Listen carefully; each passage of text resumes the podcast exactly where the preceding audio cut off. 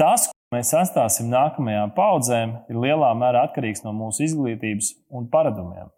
Par to šodien runāsim ar Rīgas 64. vidusskolas direktoru Ernestu Sviklu.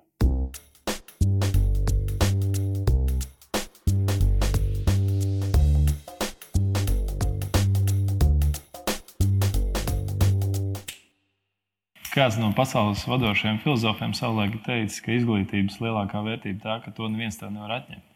Un, uh, savukārt, citējot tev pašu no sarunu festivāla lampu, tu salīdzināji skolu ar koku, kurš aug un to ļoti grūti ietekmēt. Izņemot situāciju, ja viņi nocērta un no viņa veido skulptūras. Uh, kā tev pašam liekas, tavu, tavu pieredzi balstīt, uh, tas bija vēsturnieks, šobrīd skolas direktors, uh, sekojot līdz civilizācijas attīstībai, vidas jautājumiem, kas ir neatņemama civilizācijas sastāvdaļa, skatoties pagātnē. Kā tev liekas, eh, cilvēki pirms daudziem gadiem domāja par to, kas būs šodien, vai tas ir tikai šī brīža aktualitāte domāt uz priekšu? Es domāju, ka arī vēsturiski cilvēki domāja par to, kas būs rīt. Vienkārši varbūt tie bija citi konteksti, kādos viņi par to domāja. Bet arī ļoti atkarīgs no laikmeta. Ja mēs skatītos uz senākajiem laikiem, kaut kādiem arheoloģiskajiem periodiem, tad um, nav īpaši liecību kas liecinātu par teiksim, tādām ilgtermiņa nākotnes domām. No otras puses, ir skaidri pierādījumi tam, ka cilvēks domā par rītdienu. Piemēram, arheoloģijā tāda lieta kā depozīts. Ko mūsdienās arheologi atrod. Tātad īstenībā krīzes gadījumā noglabātas lietas, lietu kopums, monētas, rotas lietas, kaut kas, ko pēc tam atgūt. Nu, visbiežāk kaut kādā kara gadījumā, teiksim, pilskalnā norakts vai kaut kur citur. Un tā tad, attiecīgi, cilvēkam tur viņa stāsts laikam ir beidzies, ja reiz nav atrastas tās lietas, pēc tam izņemtas. Tā kā es domāju, ka vispār domas par nākotni vienmēr ir bijušas, bet tās ir bijušas drīzāk tāda indivīda griezumā. Viņš, viņa ģimene, viņa dzimta, dzimtas turpinājums. Vēl viena lieta par nākotni, kas noteikti paši cilvēki individu ietvaros ir bijis, ir viņa izpratne vai domas par uh, aizkapa dzīvi, par to, kas notiek tālāk. Par to ir ļoti stingri arheoloģiskie pierādījumi. Tajā brīdī, kad mēs sākam runāt par apbedīšanas tradīcijām, jebkurā kultūrā, nu, tātad cilvēks domā par to, kas ar viņu, ar viņu notiek pēc tam, pēc viņa, pēc viņa nāves, kas notiek ar viņu tuviniekiem.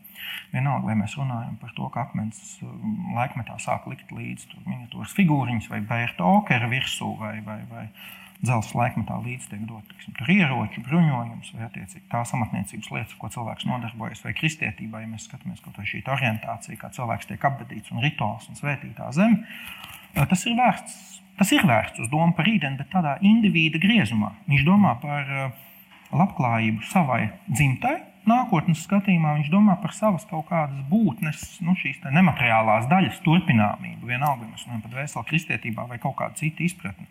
Redz, tu pats pieskaries tai vērtībai un tam, kas paliek.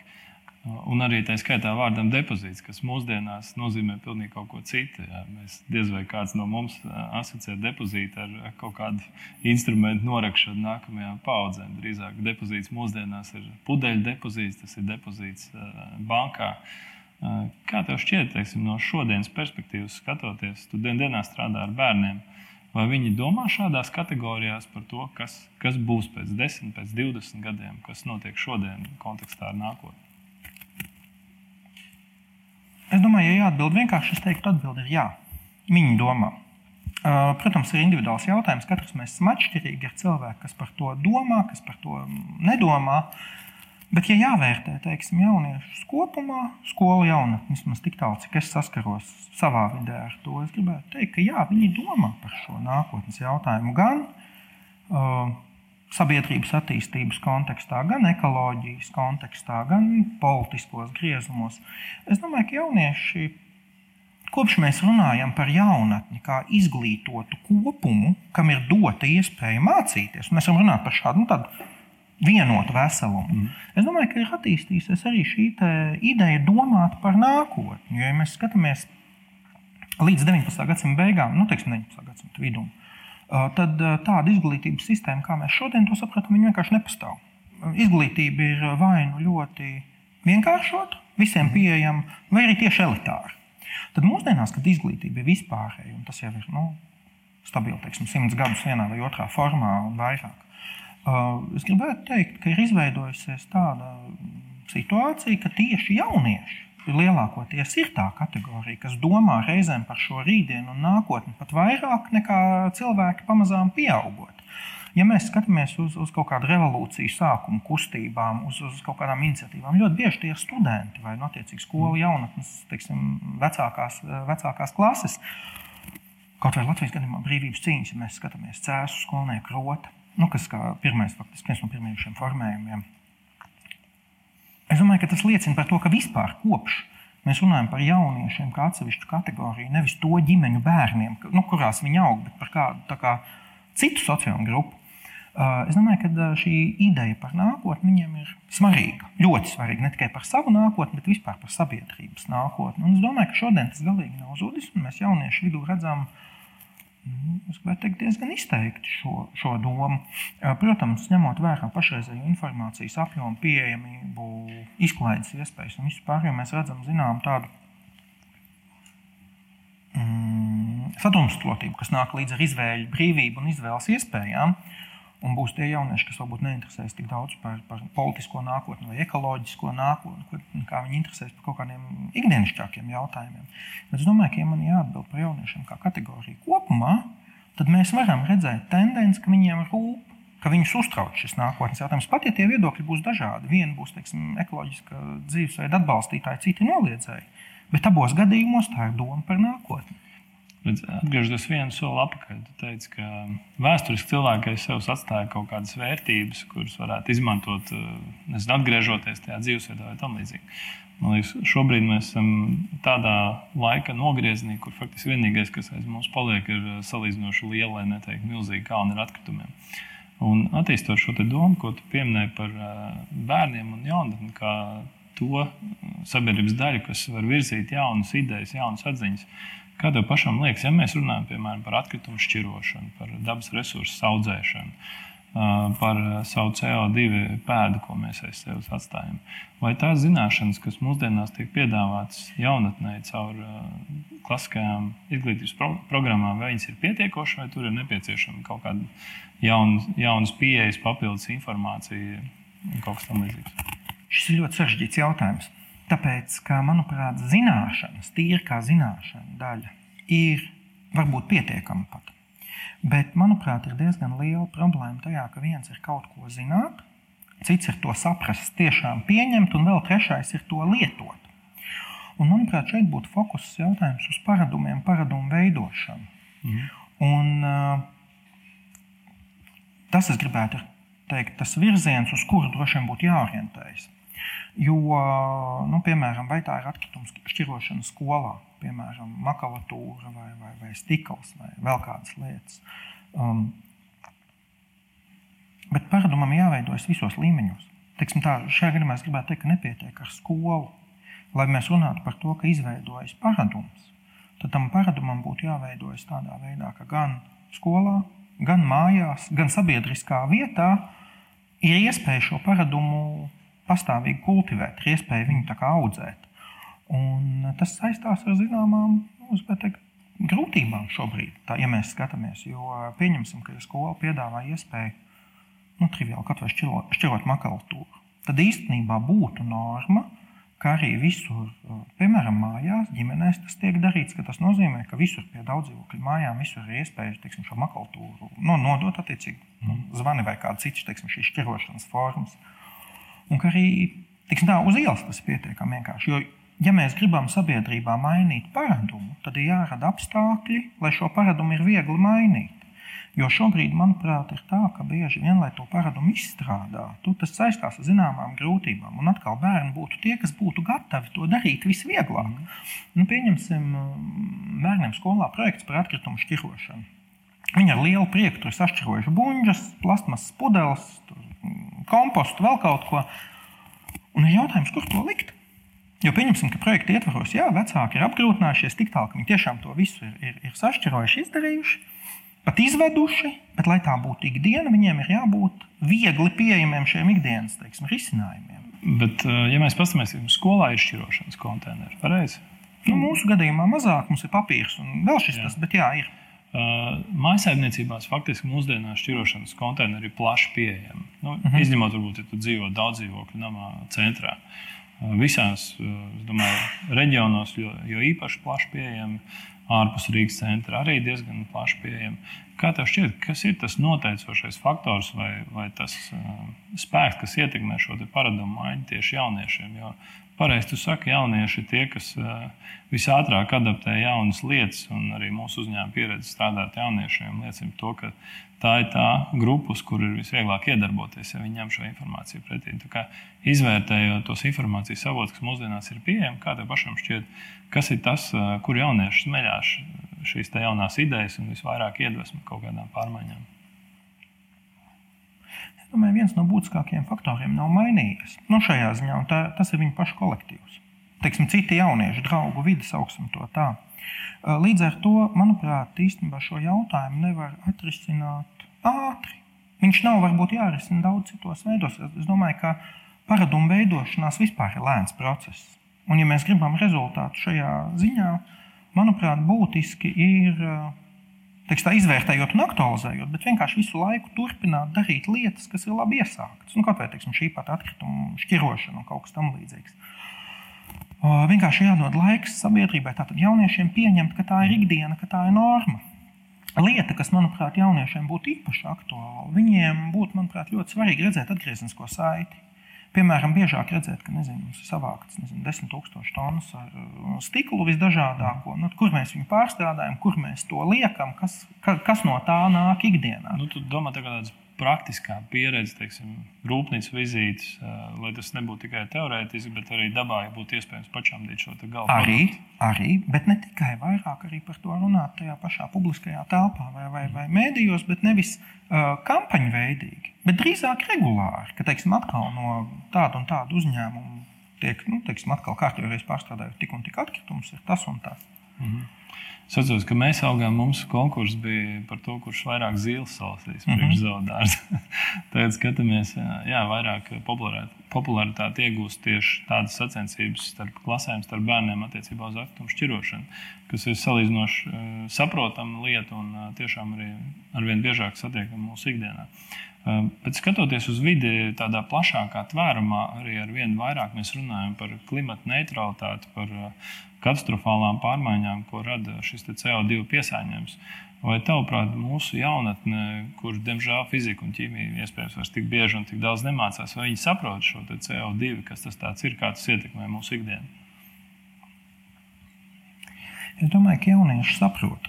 Atšķirība varētu būt atkal tas, ko mēs runājam. Nu, ko teicu, tā tad ir zināšanas, un ir tas, vai es to lietoju praksē. Mm. Eh, es negribu lietot apzīmējumu, ka netic zinātnē. Tas būtu nepareizi. Šodienas kontekstā skanētu pilnīgi aplam.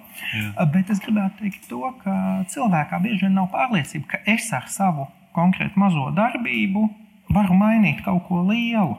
Man liekas, tā būtu pārliecība, kas būtu jānostiprina vairāk. Jo īstenībā viss jau sākas ar sevi. Ja mēs katrs kaut vai drusciņi, drusciņi kaut ko pamainām, tad kopējais rezultāts varētu būt ļoti liels. Es domāju, ka tas, tas, tas varētu būt tāds virziens, kurā varētu arī strādāt pie šīs individuālās pārliecības nostiprināšanas, ka, jā, ka viņš saprot, ka viņš izdara īstenībā ļoti mazus pasaules fonu, bet mm. tas ir svarīgi. Jo, manuprāt, tādam jaunietim, un ne tikai jaunietim, ir svarīgi apzināties, ka tas, ko tu dari, ir nozīmīgi. Ja tu apzinājies, ka tas, ko tu dari, ir nozīmīgi, nu, tu to dari labprātāk un aktīvāk. Bet skola spēlē ļoti būtisku lomu teiksim, jauniešu personības veidošanā. Kā tev šķiet, kas būtu tie nepieciešamie resursi, lai palīdzētu skolotājiem veiksmīgi iedibināt šīs jaunās tradīcijas, pārliecināt jauniešus par to, ka viņi ar savu darbību spēj, ar savu mazu individuālu darbību spēj panākt lielas, teiksim, globālas izmaiņas?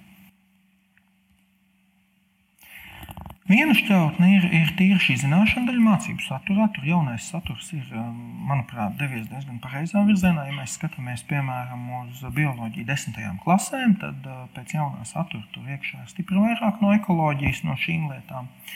Um, varbūt iztrūkst kaut kādas citas lietas, bet, bet toties šīs tur ir parādījušās.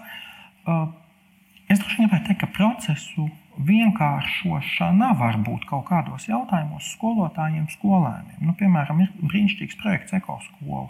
Nu, es pieņemu, visi, mhm. visi dzirdējuši. Bet, lai skola tajā piedalītos, tas ir nu, tīri birokrātiski, relatīvi sarežģīti. Tas prasa dažādu veidu gan šo dokumentāciju, gan atskaites, gan visu pārējo. Es domāju, ka, ja mēs gribam jauniešos nostiprināt šo pārliecību, ka tas ir svarīgi un ka tas ir ne tikai svarīgi, bet tas ir viņam vienkārši un viņa ikdienas sastāvdaļa, ir maksimāli teiksim, jāvienkāršo šīs, šīs lietas, nu, kaut vai triviāli. Labi, lielai skolai tas būtu vienkāršāk iegādāties astoņu krāsu konteinerus, ko izlikt katrā gaitenī. Bet nu, teiksim, tādai mazākai skolai tā varētu būt problēma. Nu, kaut vai teiksim, nodrošinājums, es tagad nezinu, vai no kāda uzņēmuma puses, vai, vai, vai no valsts puses, ja tas tiek nu, tā valstiskā mērogā darīts. Teiksim, te, ir gan tā, kurā bērniem ikdienā tiešām visu laiku var teikt, ka ir, ka ir jāšķiro, gan iespēja to, piemēram, bez maksas, nu, salīdzinoši vai bez maksas vai mazu maksu, izvest. Mm. Nu, bez maksas dzīvē nekas nenotiek. Jautājums, kurš to, kurš to vienkārši apmaksā. Jo man liekas, ka nozīmīguma sajūta zūd kaut kādos brīžos. Labi, tas neatiecas uz papīra, nu, piemēram, skolā. Jā. Bet uh, Ja tu rūpīgi sašķirojies atsevišķi, teiksim, tu stikla burciņus, tur atsevišķi viņu vāciņus, skārda un, un, un, un vēl kaut ko rūpīgi visus sametus konteineros, un tad tas tiek sapurināts vienā lielā konteinerā, pēc tam tad, tam jaunietim zūd drusku tā sajūta, ka tas ir svarīgi, ko viņš darīja. Šeit gan jāpiezīmē, ka tas man liekas viens no lielākajiem mītiem, bet tas savukārt šī vienotā konteinera mm -hmm. vai viss sabiedrība vienā konteinerā, tas nāca no tiem laikiem, kad šķirošana sāk attīstīties. Un uh, pārsvarā šķirošanas konteinerā vēl bija daudz atkritumu. Bet, ir stāsts par to tieši, ka šie mīti ir jākliedē. Jā. Jo, ja viņš eksistē, šis mīts, tad tas nozīmē, ka trūkst kaut kur informatīvajā telpā vienkārši citas publicitātes. Varbūt es pamanīju, mūsu uzņēmums piedāvāja nesen stāstu par pēc pudeļu otro dzīvi.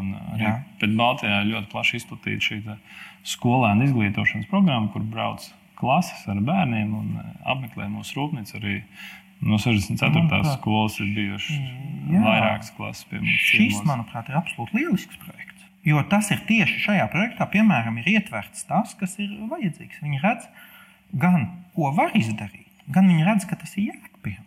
Mm. Tāpēc es domāju, ka tādas, piemēram, um, nu jā, tevs pieminētā rūpnīca apmeklējuma, piemēram, kaut kas tāds, tie ir ļoti labi projekti. Vienkārši, nu, Mēdz jau teikt, ka arī viens ir karotājs, bet gribētu teikt, ka šajā gadījumā nu, jo vairāk būs tādu uzņēmumu, kas atbildīgi pieiet šim jautājumam un uh, izglīto skolēnus, jo labāk, jo te atkal ir stāsts tīri par šo pašu pieradumu. Mm -hmm. Un, teiksim, kāpēc šis mīts ir iepriekš minētais par to sabēršanu kopā? Kāpēc viņš ir spēcīgs? Viņš ir košs, viņš ir spilgts.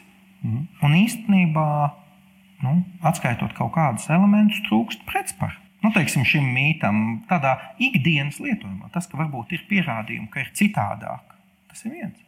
Es caur tādu personīgo prizmu varu teikt, man bērni arī, protams, mm -hmm. bijuši uz mūsu rūpnīcu. Pēc rūpnīcas apmeklējuma viņiem iegūstā šī pārliecība zemapziņā, ka pēc pudeli var pārstrādāt jaunā materiālā. Un, protams, pēcāk šī pārliecība, ka pētu nedrīkst mest parastajā konteinerā, bet viņš jānoliek dzeltenajā konteinerā. Mm -hmm. Es domāju, viņi iegūst pilnīgi citu sajūta arī tā bērna apziņā, ka šis ir resurss, nevis atkritums. Jo tajā mirklī, kad šis resurss tiek iztērēts un izmests parastajā konteinerā, viņš faktiski mums kā sabiedrībai te vai zudis un neatgriezeniski nonāks atkrituma kalnā.